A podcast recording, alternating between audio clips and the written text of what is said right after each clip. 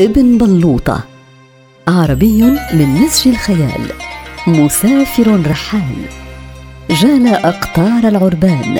يجمع قصص تلك البلدان. يجلس في المقهى ويمضي وقته يروي للساهرين حوله قصة من أقاصيصه. فمن عرف من السامعين المعاني المخبأة بين سطورها نال منه هدية قيمة.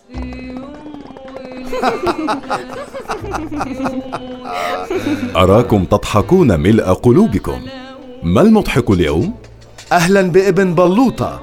إنه حفيد منصور يا ابن بلوطة. إذا وقف في الغرفة أمام المرآة قال في الغرفة شخصين. وإذا ما كان أمام المرآة قال أنا وحدي. أما إذا ما أطفأ النور قال لا أحد فيها. وكم عمره؟ سنتين ونصف. أطال الله في عمركم وعمره. إنها براءة الأطفال وما أحلاها. حكي أن جحا أراد أن يتاجر متجولا بين القرى. فقرر أن يشتري قافلة من الحمير يسير أعماله عليها. فاستفاق باكرا وشد عليه ومشى ثلاث ساعات من قريته إلى السوق ليشتري الحمير. فصار يتنقل بين الخيم المنصوبة يبحث عن تاجر أمين يعرض عليه سعرا مقبولا في الدواب. وكلما وجد حمارا أعجبته سماته. وشوش في أذن الحمار سائلا إياه عن صحة وصف صاحبه له إن كان صحيحا أم كذبا. وكان يسأل الحمير عن أسعارها. أصحيح أن ثمنك كذا وكذا؟ فإذا أومأ الحمار برأسه نزولا وصعودا اشترى جحا الحمار.